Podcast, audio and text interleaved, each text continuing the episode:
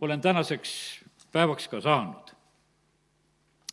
ja ma loen selle sõnumi alguses nüüd kõigepealt teise Timoteuse kirja esimese peatüki salmid üheksa kuni kümme ja siis loen ka Peetruse teise kirja kolmandast peatükist ka pisut. kes meid on päästnud ja kutsunud püha kutsega, mitte meie tegude järgi, vaid oma enesekavatsuse ja armu järgi, mis meile on antud Kristuses Jeesuses enne igavesi aegu. Nüüd on aga saanud avalikuks meie päästja Kristuse Jeesuse ilmumise läbi, kes on kõrvaldanud surma, kes on hävitanud surma, kes on välja vahetanud surma elu vastu ning on evangeeliumi kaudu toonud valge ette elu ja kadumatuse, elu ja surematuse. ja, ja loen ka siis äh, teise Peetruse kirja kolmandast peatükist ja kaheksandast salmist edasi. aga selle juures, mu armsad, ärgu jäägu teie eest varjule, et issanda juures on üks päev nagu tuhat aastat ja tuhat aastat nagu üks päev. Issand ei viivita tõotust täitmast, nii nagu mõned peavad seda viivita, viivitamiseks, vaid tema on teie vastu pikameelne sest ta ei taha, et keegi hukkuks, vaid et kõik jõuaksid meeleparandusele. amin. ja siin on viited tegelikult kahes suunas väga kaugele. kui me lugesime Apostel Pauluse sõnu, siis ta räägib sedasi, et jumala plaanid on olnud juba enne igavesi aegu, aga need on saanud avalikuks praegusel ajal ja, ja siis on räägitud sellest, et jumal justkui viivitab ja ootab nagu midagi. ja teate, mida jumal viivitab ja ootab? jumal viivitab ja ootab, et sünniksid siin maailmas kõik veel need inimesed, kes peavad taevasse saama ja sellepärast on niimoodi, et ta on enne igavesi aegu plaaninud, et inimesed sünnivad siin selles maailmas. ja sellepärast, ja praegu on samamoodi see aeg, kus inimesed sünnivad siia sellesse maailma ja neid inimesi on Jumalal vaja. ja sellepärast on see niimoodi, et Jumala plaanid teostuvad just selliselt, palju suuremalt ja võimsamalt, kui meie eh, täna oskame nagu seda mõista. ma täna tulen nagu sellise mõtte juurde, ma hakkan rääkima nagu, nagu sellisest lõikuse ajast sellest viimasest lõikusest. ja ma räägin seda, seda viimast lõikust nagu sellises Benjamini võtmes, sest et Benjamin oli Jakobi noorem poeg, kes viimaseks sündis ja vaata, see eh, Benjamin nagu eh, omas nagu sellist ühte niisugust teistmoodi erilist tähendust, ma lugesin siin viimastel päevadel Rick Joineri raamatut lõikus ja ta toob seal ühes lõigus just välja nagu selle eh, Benjamini mõtte ja, ja sellepärast tahaks täna soovida seda, et eh, sa saaksid nagu ilmutust selle koha pealt, et eh, me võib-olla näeme seda, et mis on praegusel hetkel nagu me elus sündimas ja kuidas elus läheb, kuidas majanduses läheb, kuidas, ütleme, riigid hakkama saavad, me vaatame nende asjade peale. aga jumal vaatab hoopis teist asja. tema kogub oma rahvast siit sellest maailmast, ta päästab inimesi siin selles maailmas ja, ja jumal on teostamas tegelikult eh, omi plaane. hiljem nähtavasti ma loen mõned eh, lõigud siit ka sellest raamatust täna, aga tulen nüüd selle eh, sõnumi juurde nagu sellises järjekorras, nagu ma olen seda suure reede hommikul issand ees olles ka kirja pannud. Jeesuse surm ja, ja ülestõusmine.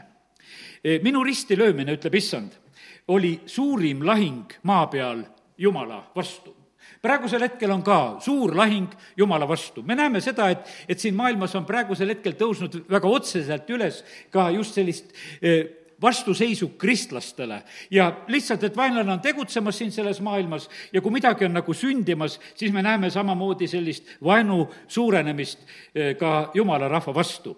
aga palju suurem vaen oli tegelikult eh, sellel hetkel siin selles maailmas, kui Jeesus elas siin selles maailmas. kui ta sündis, Herodes kohe tahab tappa seal eh, teda lapsena, ta peab põgenema ja peidus olema ja rääkimata sellest pimeduse jõudude rünnakust, mis oli siis, kui Jeesus oli kol-, Kolgata ristil suremas. see, Jeesus ise ütles sedasi sellel hetkel, kui noh, teda kinni võeti ja kui ta seal vahi all oli ja, ja kui need ülemprestid ja värgid, need tulevad oma nuiadega no kes tulid, õiged inimesed tulid oma nuiadega, võiks ütelda, aga, aga noh, nad olid need jutumärkides õiged. aga Jeesus ütleb nendele, et aga see on pimeduse tund ja võimus, et ei saagi aru, eh, kelle poolt te praegusel hetkel sõdite või mida te teete ja tahate. Eh, Luuka evangeeliumis on sellest otseselt öeldud, et eh, Luuka kakskümmend kaks, viiskümmend kolm, kus Jeesus ütleb nendele, ma teen lahti selle koha, Luuka kakskümmend kaks ja, ja viiskümmend kolm. sest et issand lihtsalt hindab selle olukorra, eh, mis tema ümber nagu sellel hetkel nagu sündis. ja siin on öeldud niimoodi, eh, ma loen natuke ette, mm, viiskümmend üks salm ja, ja see on nagu Jeesuse vangistamisest eh, seal on niimoodi, et ta tervendab, kui Peetrus on löönud sellele ühel sulasel kõrva ära seal ja, ja aga Jeesus kostis, jätke see, ja ta puudutas tema kõrva ja tegi ta terveks. ja Jeesus ütles ülempreestritele templivalvuritele ja vanematele, kes tema vastu olid tulnud. tema vastu tuli, võiks ütelda, selline religioosne eliit. Nad tulid tema vastu ja, ja ta ütleb niimoodi, kes te olete tulnud nagu teeröövli kallale mõõkade ja nuiadega. jumala rahvas vahest armastab ka toppida kivisid taskusse. vahest tulevad inimesed jumalateenistusele samamoodi, et kivid on taskus. mõnel korral mõistad seda nagu eriliselt täpselt ära, et, et kui ollakse kividega kohal.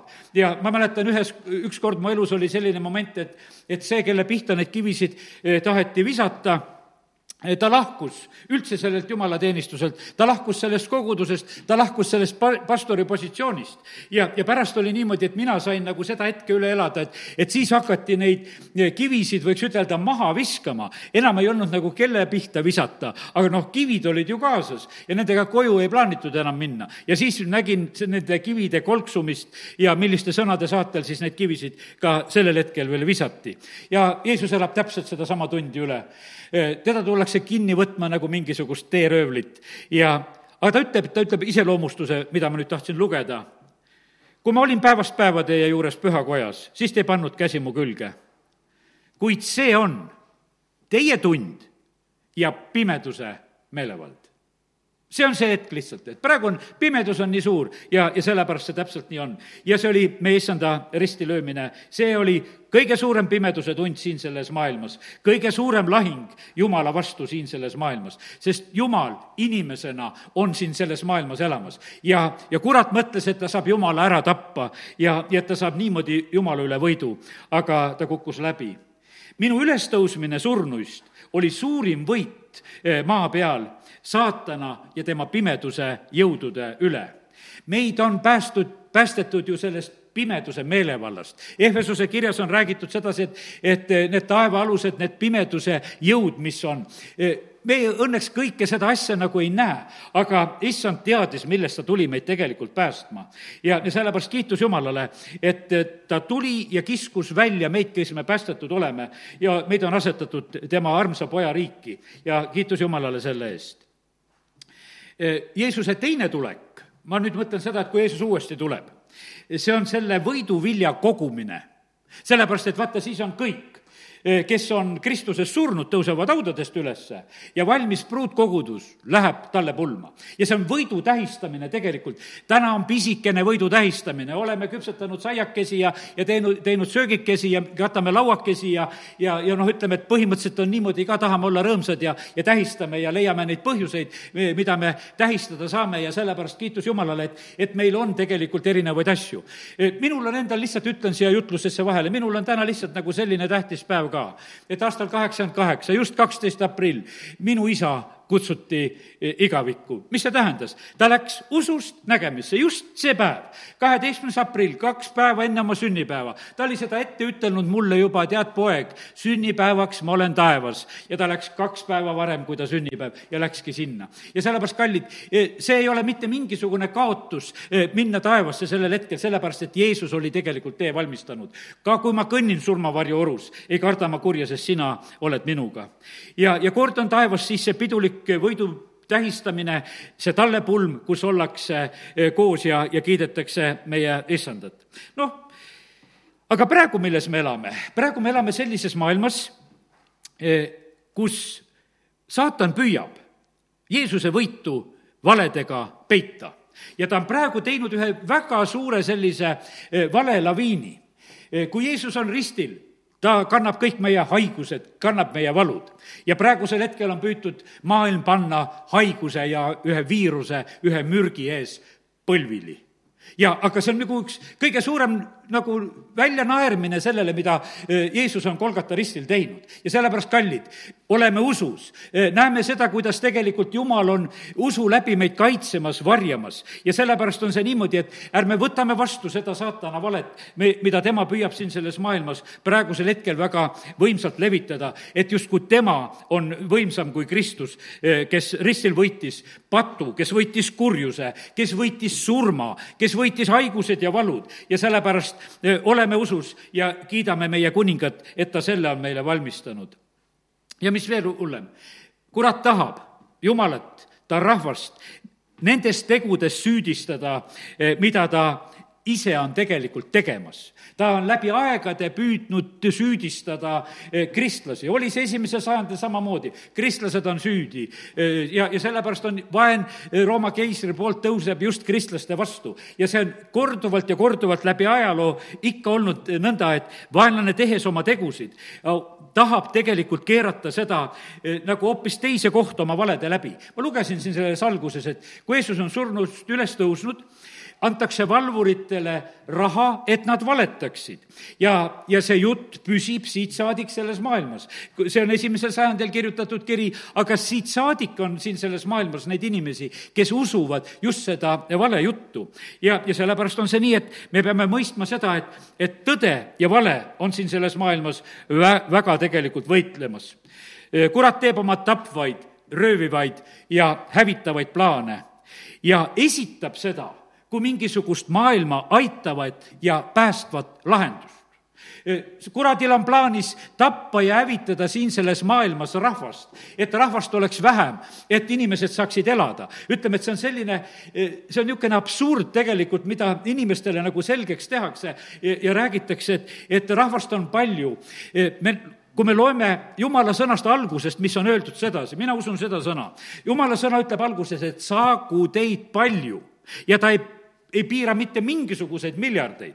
absoluutselt, ta ütleb, et saagu teid palju, ta ei hakka sinna mitte mingisugust numbritki panema, et, et kuskil oleks nagu see mõõt täis. taevas on ükskord see mõõt täis, aga kallid, meil on täna see rõõmusõnum, et taevas on ruumi küllalt, las inimesed sünnivad ja, ja sellepärast ja isa ise teab, kui ta kogub sinna ja valmistab meile kõikidele seda aset ja ühel päeval on, kui on kogutud, see täisarv on seal sees, see täiuslik asi, eh, siis lõpeb see päästeplaan siin selles maailmas. aga need nüüd, kes ei ole hakanud uskuma Jumala sõna, teate, mida need peavad uskuma? Need peavad uskuma valet ja, ja nad tõesti peavad uskuma valet, kes ei usu tõde, need peavad uskuma valet. ma teen lahti eh, Rooma kirja ja ma loen Rooma kirja esimesest peatükist, loen siit eh, kaheksateistkümnenda salmi ja loen ka Rooma kirja eh, esimese peatüki kahekümne viienda salmi. ja siin on öeldud nõnda jah, jumala viha ilmub taevast inimeste igasuguse jumala kartmatuse ja ülekohtu vastu nende vastu, kes tõde hoiavad ülekohtu kammitsais. Nende vastu, kes rõhuvad tõde eh, ja kurjusega hoiavad seda eh, patu eh, vangis, rõhuvad tõde alla valedega. no ütleme, et toimub selliselt see asi ja me näeme sedasi, et Paulus kirjutab Rooma, ütleb sedasi, et äh, jumala viha ilmub selle asja vastu, kakskümmend viis salm. Nad üt-, ta ütleb, et nad on jumala tõe vahetanud vale vastu ja austanud ja teeninud loodut looja asemel, kes olgu kiidetud igavesti, aamen. ja sellepärast siin selles maailmas saab vahetada tõde ja vale omavahel. aga Jeesus tuli siia sellesse maailma ja ütles, et mina olen tee, tõde ja elu. ja, ja sellepärast meil on see, see pääsemise võimalus just eh, selle tõttu, mida Jeesus on teinud. ma teen lahti nüüd Thessalonika kirja, ma loen neid valede kohtasid, see on teise Thessalonika eh, kaks kaksteist, eh, kus on nõnda öeldud. ja nii saavad kohtualusteks kõik, kes ei ole uskunud tõde, vaid kellele on meeldinud ülekohus me näeme sedasi, et Paulus nagu korduvalt räägib seda, et et vale on siin selles maailmas ja see vale vahest tundub sedasi, et, et on nagu mingisugune lihtsam ja, ja kergem lahendus. aga ei, tõe eest tuleb seista, mis siin, mis siis, et selles maailmas on see raskem, sellepärast et see valede isa, see valede vürst alati sõdib tõe vastu siin selles maailmas. aga nüüd on issand mida tegemas praegusel hetkel ta tahab nii palju päästa veel, kui kedagi iganes päästa on võimalik saatana käest ja tema pimeduse meelevallast. ja sellepärast läheb meil pikalt nii nagu ma Peetruse kirjast lugesin. et see üks aasta nagu tuhat, tuhat aastat nagu üks päev või üks aasta nagu, üks päev nagu tuhat aastat, e, see vastastikune ajamõõde.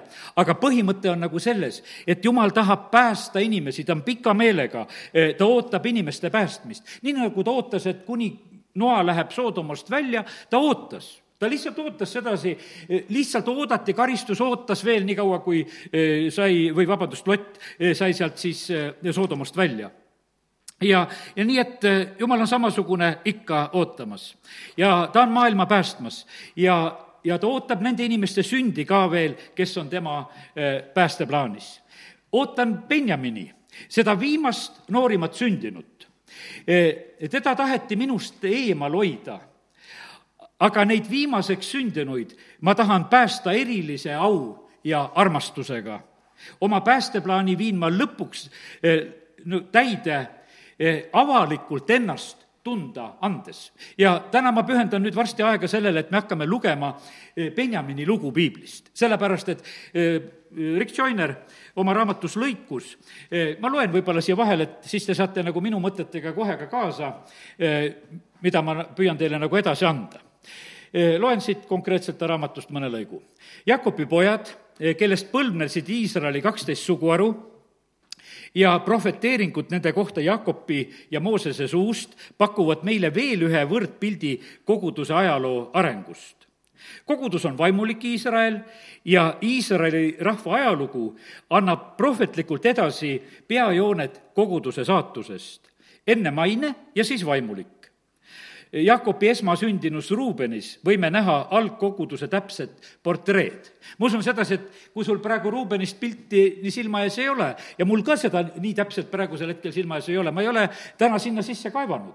aga me näeme, et, et siin on viide sellele, et Ruubeni elu on nagu üks pilt algkoguduse elust ja võid hakata seda piiblist otsimas, pühade ajal hea tegevus leida seda sealt ülesse nii et Ruubenis võime näha algkoguduse täpsed portreed, järgmiste poegade sünd ja vastavate suguharude ajalugu jätkab pildirida koguduse ajaloost kuni Benjaminini välja, eh, kes oli sündinud viimasena ja on viimase koguduse sümboliks.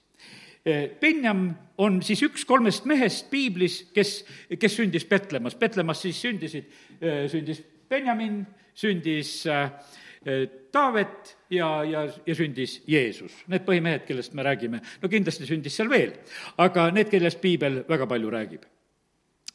Betlem tähendab leivamaja ja see on öö, toidu asupaik. see osu-, osutab tõsiasjale, et viimase aja kogudus sünnib küllusliku vaimuliku toidu paigas.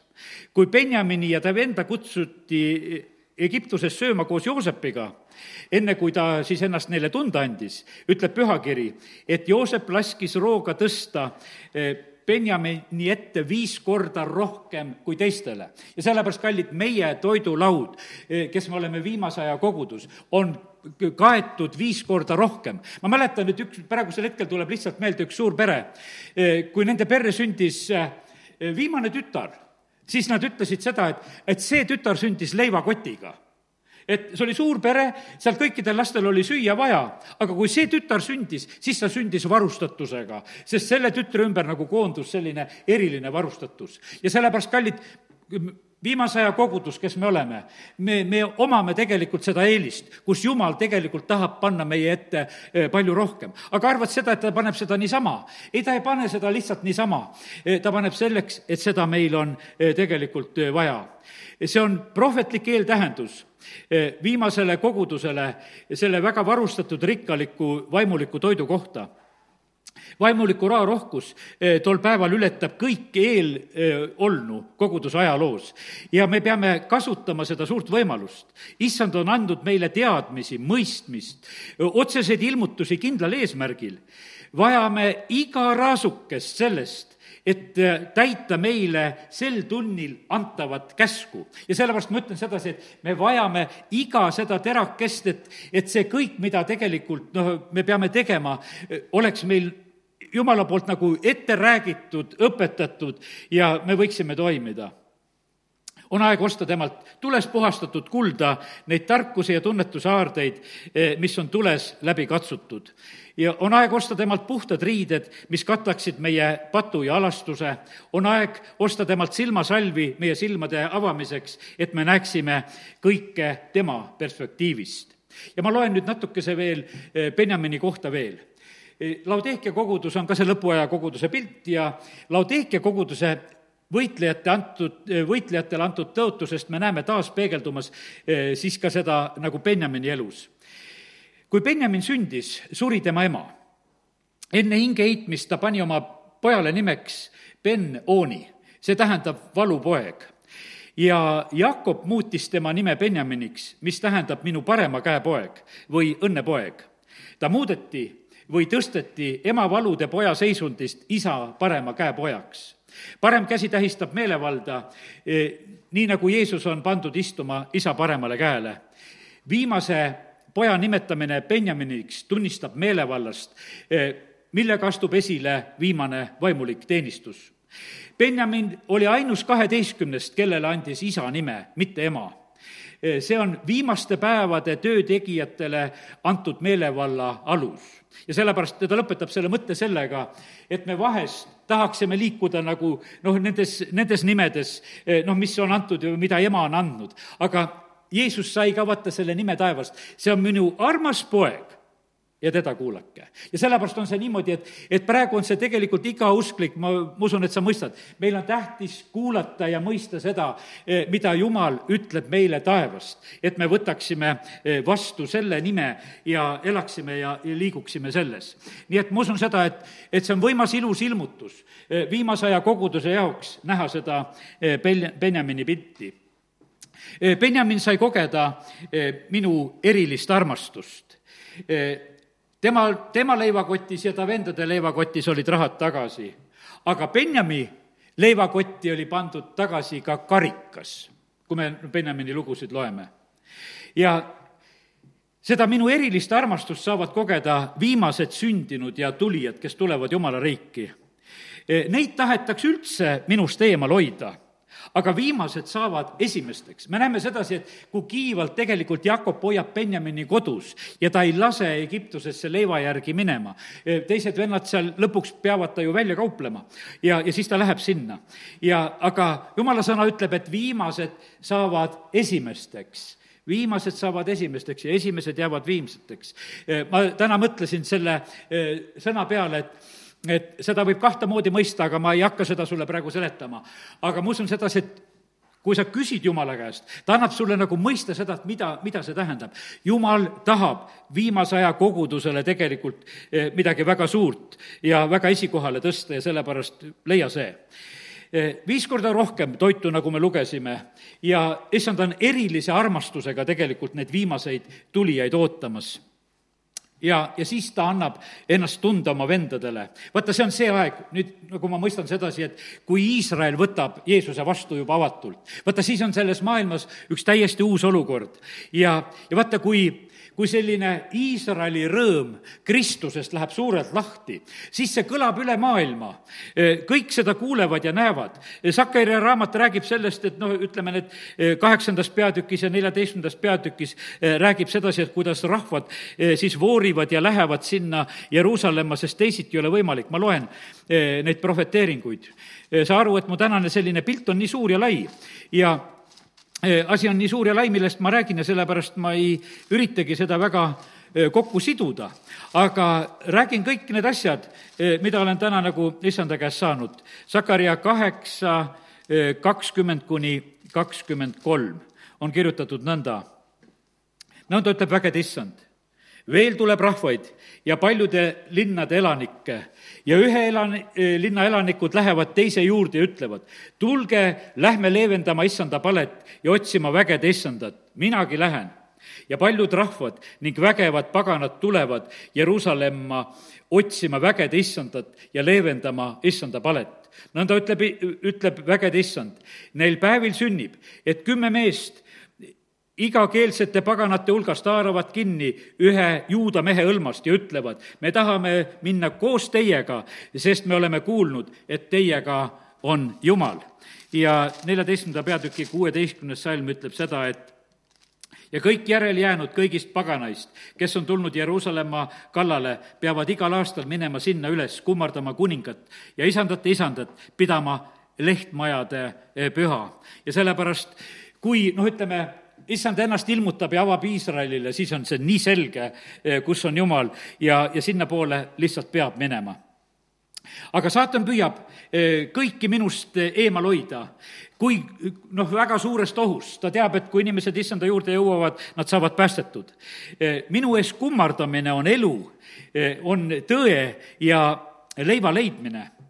ja nii näeb ja käib kristlaskond lõpuni mõistmata ikka minu juures. vaata, see on niimoodi, et vaata, praeguse aja kristlaskond on kuidagi niimoodi, et me tuleme siis nagu need Jakobi pojad, et et nagu leib on otsa saanud, et no jälle tuleb minna et jälle tuleb minna, et teisiti nagu ei saa, et me nagu elame nagu eh, sellisel moel. ikka minu käest leiba otsimas ja ka saamas ja, ja lõpuni nagu mõistmata, et tegelikult võiks olla selle leiva juures. ja issand ütles, et tahan, et te teil oleks julgust eh, kolida minu juurde kõigega. tahan ennast teile veel selgemalt ilmutada, et te julgelt oleksite minu juures. lõpuaegadel ilmutus ja arusaam kasvab ja rõõm on suurem. aga need, kes ei tule sisse ja on väljas, nii nagu Luuke evangeeliumis see vanem vend, kes ei tahtnud sisse tulla, eh, no need on vihased ja podisevad seal ukse taga. aga veel ei ole uks suletud veel on võimalus võidelda sisse kitsast uksest, eh, mis viib ellu. ja, ja sellepärast kiitus Jumalale, et, et praegusel hetkel käib nagu siin selles maailmas eh, nagu see võitlus. Eh, see, mis siin praegusel hetkel maailmas toimub, see avab paljude inimeste silmi. me näeme tõe ja vabaduse puudumist. ja me näeme, et siin maailmas ei ole mitte midagi kindlat, millele rajada näete, et lahus minust, ütleb issand, ei ole elu ei ole rahu ega ei ole alust. kes te olete kindlalt minus, seiske ja püsige ja särage. maailm vajab seda kindlust. Need, kes teie vastu tulevad, vajavad tegelikult näha seda kindlust teis. püsige minus ja mina olen see alus, mis ei ole, mis ei kõigu ja ei ole teist alust, millele rajada, ehitada, ei ole teist päästet, ei ole teist nime, ei ole teist jutlust, ei ole teist sõnumit, e-, ei ole teist evangeeliumi. Ja, ja sellepärast me kuulutame ja räägime ikka kogu aeg seda ühte ja sedasama. aga nii, nagu lubasin, et teeme lahti täna veel nüüd eh, esimese Moosese raamatu kolmekümne viienda peatüki ja, ja loeme seda Benjamini lugu ja võtame natukese nagu seda aega nagu selleks, et me saaksime seda ilmutust viimase aja koguduse jaoks ja viimase lõikuse jaoks ja kuidas need asjad hakkavad sündima. ja kõigepealt ma loen kolmekümne viiendast peatükist ja ma loen salmid seitseteist kuni kakskümmend ja siin on räägitud Benjamini sünnist. tema sünnitus oli raske ja tema raske sünnituse ajal ütles aitaja naine temale, ära karda, sest ka seekord on sul poeg. Eh, kui Rahel saab oma esimese poja Joosepi, eh, siis ta paneb tegelikult eh, Joosep nimeks talle sellepärast, et veel sünniks, et veel oleks jätku. Et Joosep ei oleks mitte see ainukene, et veel sünniks. Ja talle sünnibki ka siis Benjamin. ja nüüd aitaja naine julgustab teda, et on sündinud jälle poeg ja kui ta hing oli välja minemas, sest varsti ta surigi, pani ta temale nimeks Ben-Oni ja see siis tähendab mu vaeva ja valu poeg. aga tema isa kutsus teda Benjaminiks. ja Rahel suri ning ta maeti Efrata tee äärde, see on Petlemma. nii et Benjamin sündis Petlemmas. See on lihtsalt see selline sünni, sünnilugu siis Benjamini koha pealt.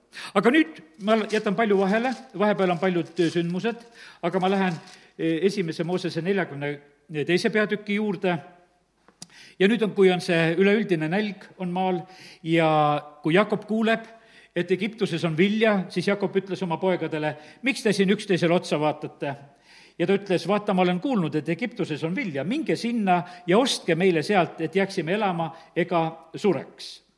ja siis läheb kümme Joosepi venda Egiptusest vilja otsima ma ütlen, et kui sa niimoodi rahulikult loed, sa saad tegelikult väga palju pilte, ma olen aegade jooksul juba, olen siin endale märkinud, et, et see on nagu, nagu kümme maakuulajat läheb. Need kümme Jakobi poega lähevad, lähevad siis Egiptusesse eh, vilja otsima. Ja nad lähevad sinna, Benjamin jääb koju ja, ja mõned asjad, millele siin nüüd viitan, on näiteks kuues salm. Joosep oli maal valitsejaks ja tema müüs vilja kogu maarahvale. ja Joosepi vennad ja tulid ja kummardasid tema ette silmili maha. ja kallid, me täna noh, tuletame meelde seda päeva, kui Jeesus tõusis surnust ülesse, ta on kuningate kuningas, ta on isandate isand ja teate, tema kohta on öeldud sedasi, et, et kõikide põlved kord kummardavad. iga põlv nõtkub tema ees, kas tahad või ei taha, ja sellepärast oli niimoodi, et Joosepil oli see unenägu, et tema ette kummardatakse, aga nüüd on see päev ühtäkki niimoodi käes, et, et Joosepi kümme venda tulevad ja ilma igasuguse küsimuseta nad kummardavad Joosepi ees teadmata, keda nad kummardavad, aga nad kummardavad. ja sellepärast, kallid, läheb täide see issanda sõna, et iga põlvkord nõtkub issanda ees. ja, ja sellepärast kiitus Jumalale, et meie täna võime seda eh, teadlikult teha. aga teate, selles olukorras oli niimoodi, et aga Joosep tundis neid oma kummardajaid. ta tundis kohe oma vennad ära. kas me ei tunne ära öö, eh, oma, oma lihaseid vendasid? Tunned ära küll.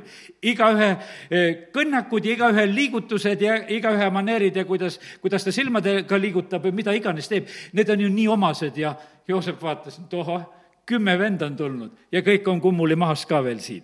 ja, ja kõik need tulid ja kummardasid sinna ette no ta paneb nad veel kolmeks päevaks vangi. ta natukese mängib nendega seal, kõigepealt ta paneb, ta hakkab uurima, et kes te olete, te olete mingisugused maakuulajad, hakkabki rääkima nendele seda lugu ja, ja ta tahab ikka kontrollida, kas te olete ausad mehed ja ja, ja nad on sellises päris kitsas olukorras tegelikult eh, lihtsalt eh, sellel hetkel seal. ja nelikümmend kaks, kakskümmend üks ma loen. ja nad ütlevad siis üksteisele, me oleme tõesti nüüd süüdi oma venna pärast, kelle hingekitsikust me nägime, kui ta palus meilt armu ja meie ei võtnud teda kuulda, sellepärast on see kitsikus meile tulnud ja siis Ruuben rääkis ja ütles, et eks ma rääkinud teile, öelnud, et ärge tehke poisi vastu pattu, aga te ei kuulanud. vaata, nüüd nõutaksegi tema verd.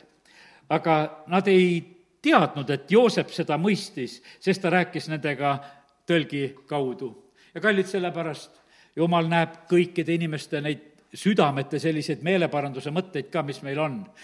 kui me oleme vahest nagu sellisesse kitsikusse sattunud ja siis me vahest mõtleme, et kas siis see on selle pärast või teise pärast. kallid jumal teab niikuinii eh, kõike, mis me eludes on olnud.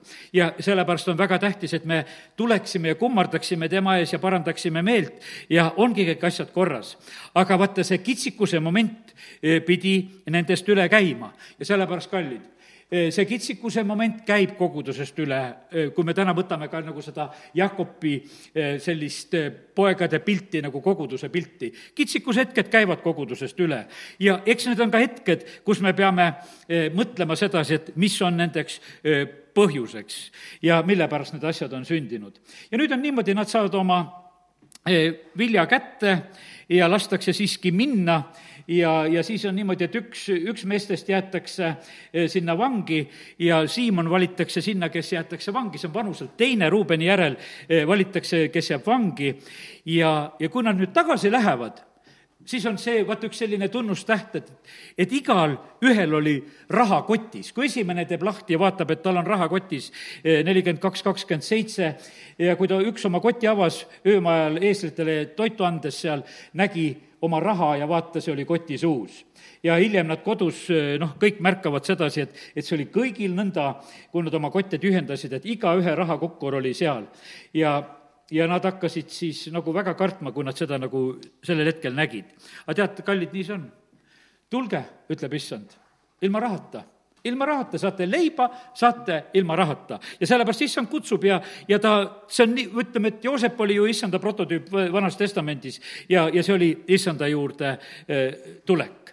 ja nüüd eh, ma lähen edasi siit juba eh, neljakümne kolmandasse peatükki.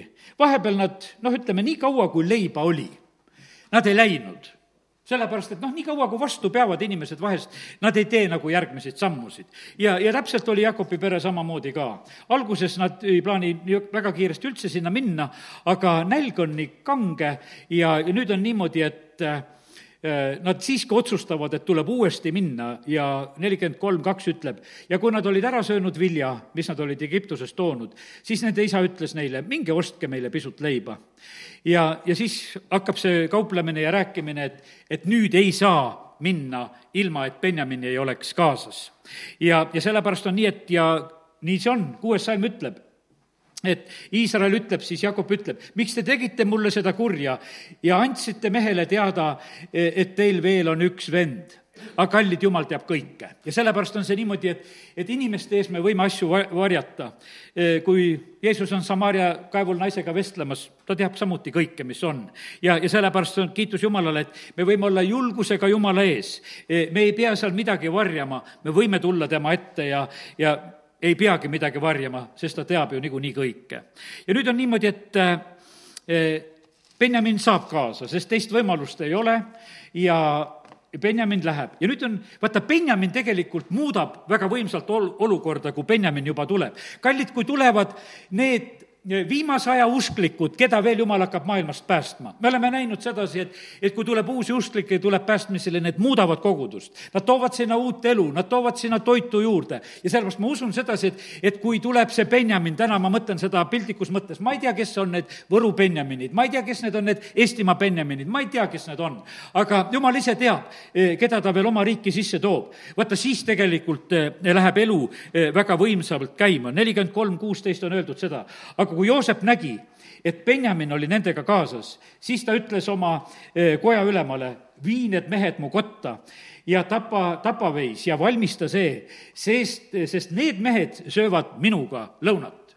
ja vaata, ennem ei saanud seda lõunat eh, issand on ukse taga ja koputab, on ju räägitud seal eh, selles, selles viimases kirjas, eks, et Laudekia kogudusele, et ma seisan ukse taga ja ma koputan, eks. ja nüüd on niimoodi, et ta tahab süüa meiega koos, aga vaata, see söömine tuleb siis, kui Benjamin tuleb. nüüd tapame veise, nüüd tuleb pidu. kui noorem poeg tuli Luka evangeeliumis, kui ta tuli koju, siis teeme pidu, siis on sümfoonia, siis on need asjad, siis on piduriided. ja sellepärast oli nii, et nagu Benjamin oli kohal ja teda oli näha, vii need mu, mehed mu kotta ja valmista see kõik, nad söövad minuga koos ja mees tegi, nagu Joosep oli öelnud, viis mehed Joosepi kotta, aga mehed kartsid, eh, et neid Joosepi kotta viidi ja nad mõtlesid, et ei tea, mis pärast see on ja ja et nähtavasti selle raha pärast, mis eelmisel korral jäi saamata ja ja, ja siis nad on nagu eh, väga mures selle asja pärast. nüüd on niimoodi, et me võime uskuda seda, et see koja ülem ei teadnud veel kõike, sest ma ei usu, et Joosep oli kellelegi avanud sedasi, et, et sellele oma koja ülemale, et kuule, et sa võtad täna mu vennad vastu ja, ja käitu sellepärast nendega hästi. aga teate, ma usun sedasi, et, et Joosepi kojas oli nii hea meelsus ja nii hea oli olla, et see koja ülem oli super koja ülem, kui tegelikult nagu seda lugeda, mida tema nagu rääkis. ja ja siis on eh, kakskümmend kolm salm, ma jätan nende Joosepi vendade kahtlused sinna paika, aga kakskümmend kolm salm ütleb, eh, ütleb see koja ülem rahustuge, ärge kartke, teie Jumal ja teie isa Jumal on pannud teile varanduse kottidesse. no on aga ilmutus. ta räägib Jumalast. Jumal pani need rahad sinna kottidesse. Teie raha ma olen saanud ja ta tõi Siimona, Simeoni välja nende juurde, Simeon oli seni ju vangis olnud ja siis vabastatakse teda.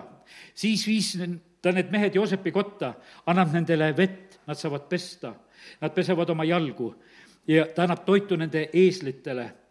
no Joosepi vennad seavad kingitused valmis ja ja, ja siis on niimoodi, et kui Joosep tuleb, siis on see kummardamine ja kingituste andmine ja, ja Joosep küsib isa kohta ja, ja nad jälle kummardavad ja heidavad seal maha kakskümmend kaheksa salm.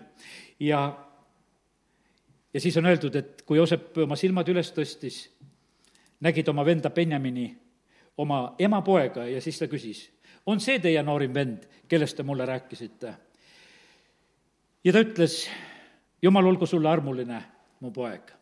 Ja kallid, sellepärast on see niimoodi, et ma usun, et üks selline eriline arm tuleb siis, kui Benjamin tuleb meie peame praegusel hetkel käima, võiks ütelda, selle leiva juures, noh, ütleme, käime ka ja, ja me tunneme nagu seda rõõmu teatud määral ja saame leiba ja, ja sööme ära ja, ja saame jälle seda leiba ja toome oma kingitusi ja, ja teeme oma asju ja teeme oma kummardusi ja teeme kõike seda. aga vaata, siis tuleb üks täiesti, täiesti uus olukord, kui, kui Benjamin on meie keskel. kui need viimased kogutud on ka, vaata, siis läheb lahti, siis läheb lahti siin selles maailmas, kui, kui Iisrael ka juba pöördub issanda poole ja Joosep vaikis äkki, sest oli südamest liigutatud oma venna pärast ja otsis võimalust nutmiseks. ta läks ühte siseruumi ja, ja nuttis seal.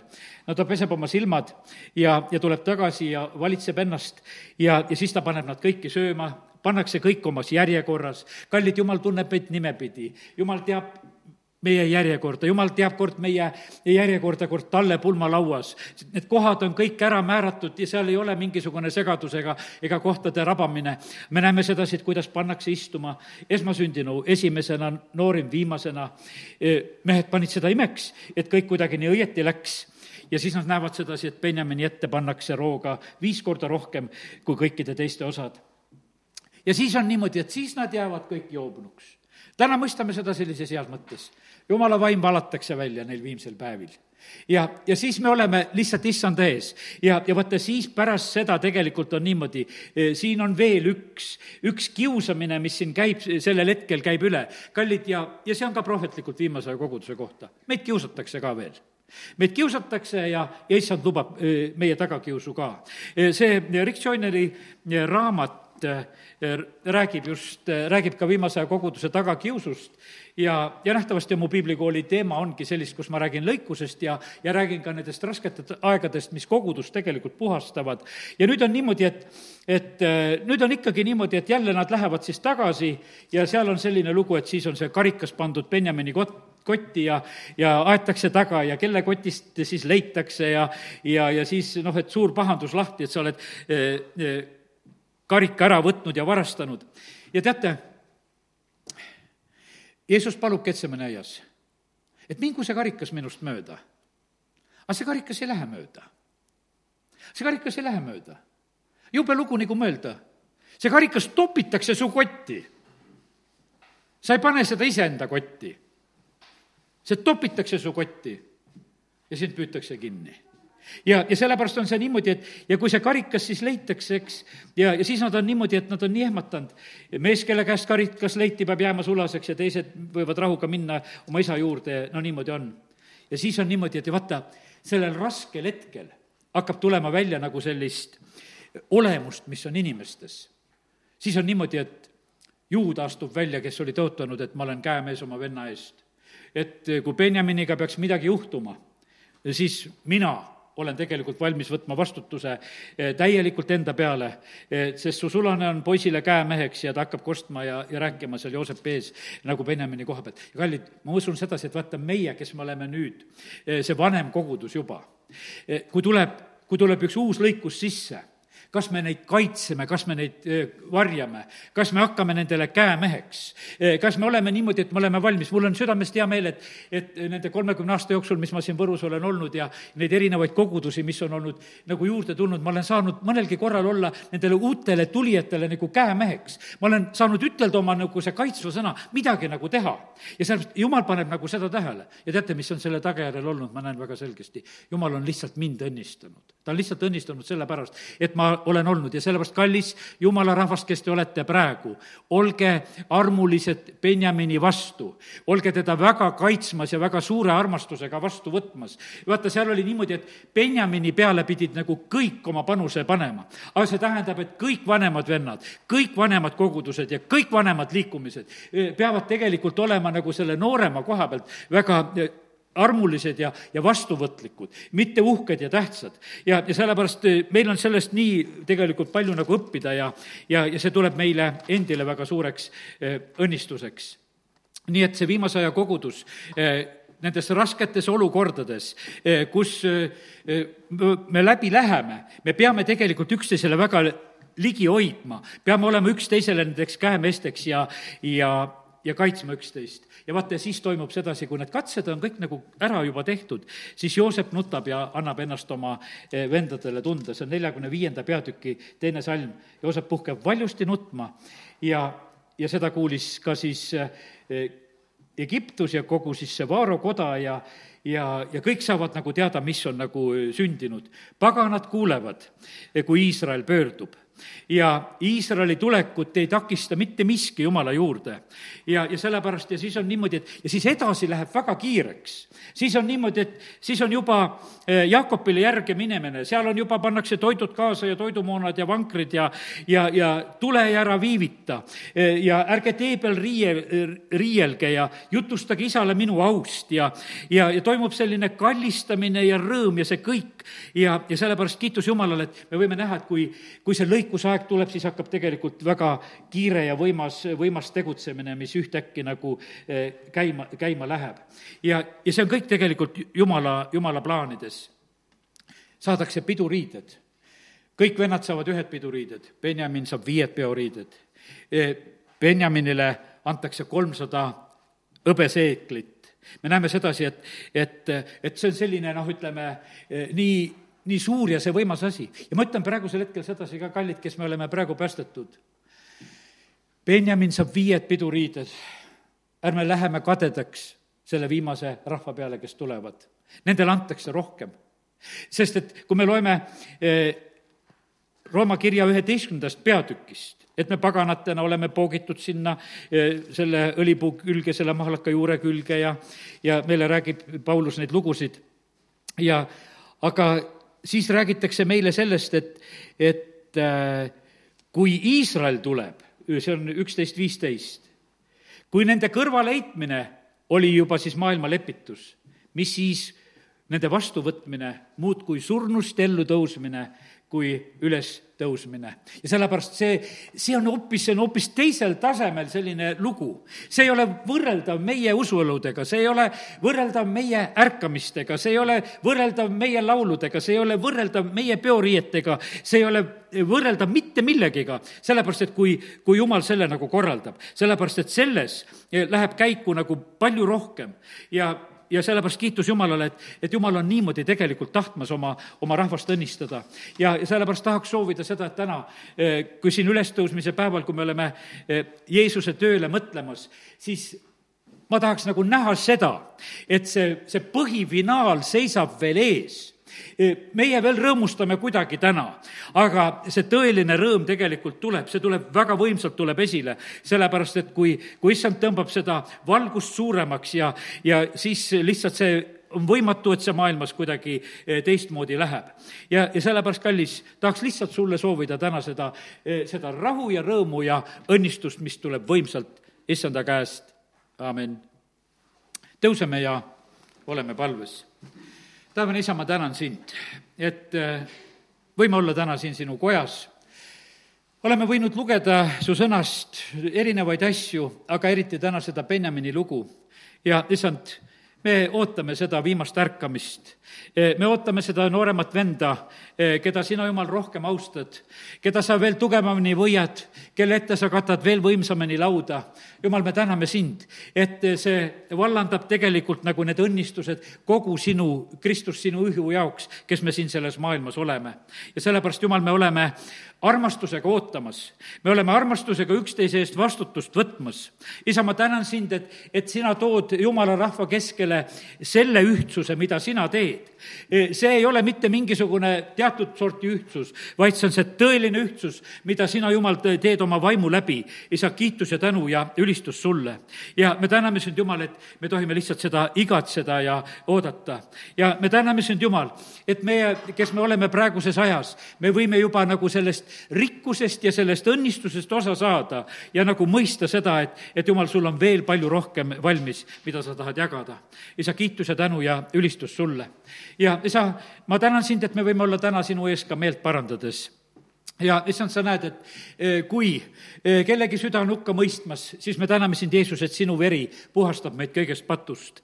Eh, me tahame panna kõrvale praegusel hetkel kõik selle, mis röövib meie rõõmu. ja me ütleme, et issand, anna meile andeks seda, mis me oleme valesti teinud, kus me oleme olnud ülekohtused, kus me oleme teinud valesid tegusid, rääkinud valesid sõnu. jumal, me täname sind, et, et su poja veri puhastab meid kõigest patust. ja isa, ma palun seda, et need, kes täna on, issand, sind kui otsimas ja, ja esmakordselt su juurde tulemas, nad võivad samuti paluda, et issand, võta mind vastu, eh, võta mind vastu, Jumal, oma lapseks. Jeesus, pese mind oma verega, pane mu nimi taevakirja, et ma võiksin olla, Jumal, sinu riigi kodanik.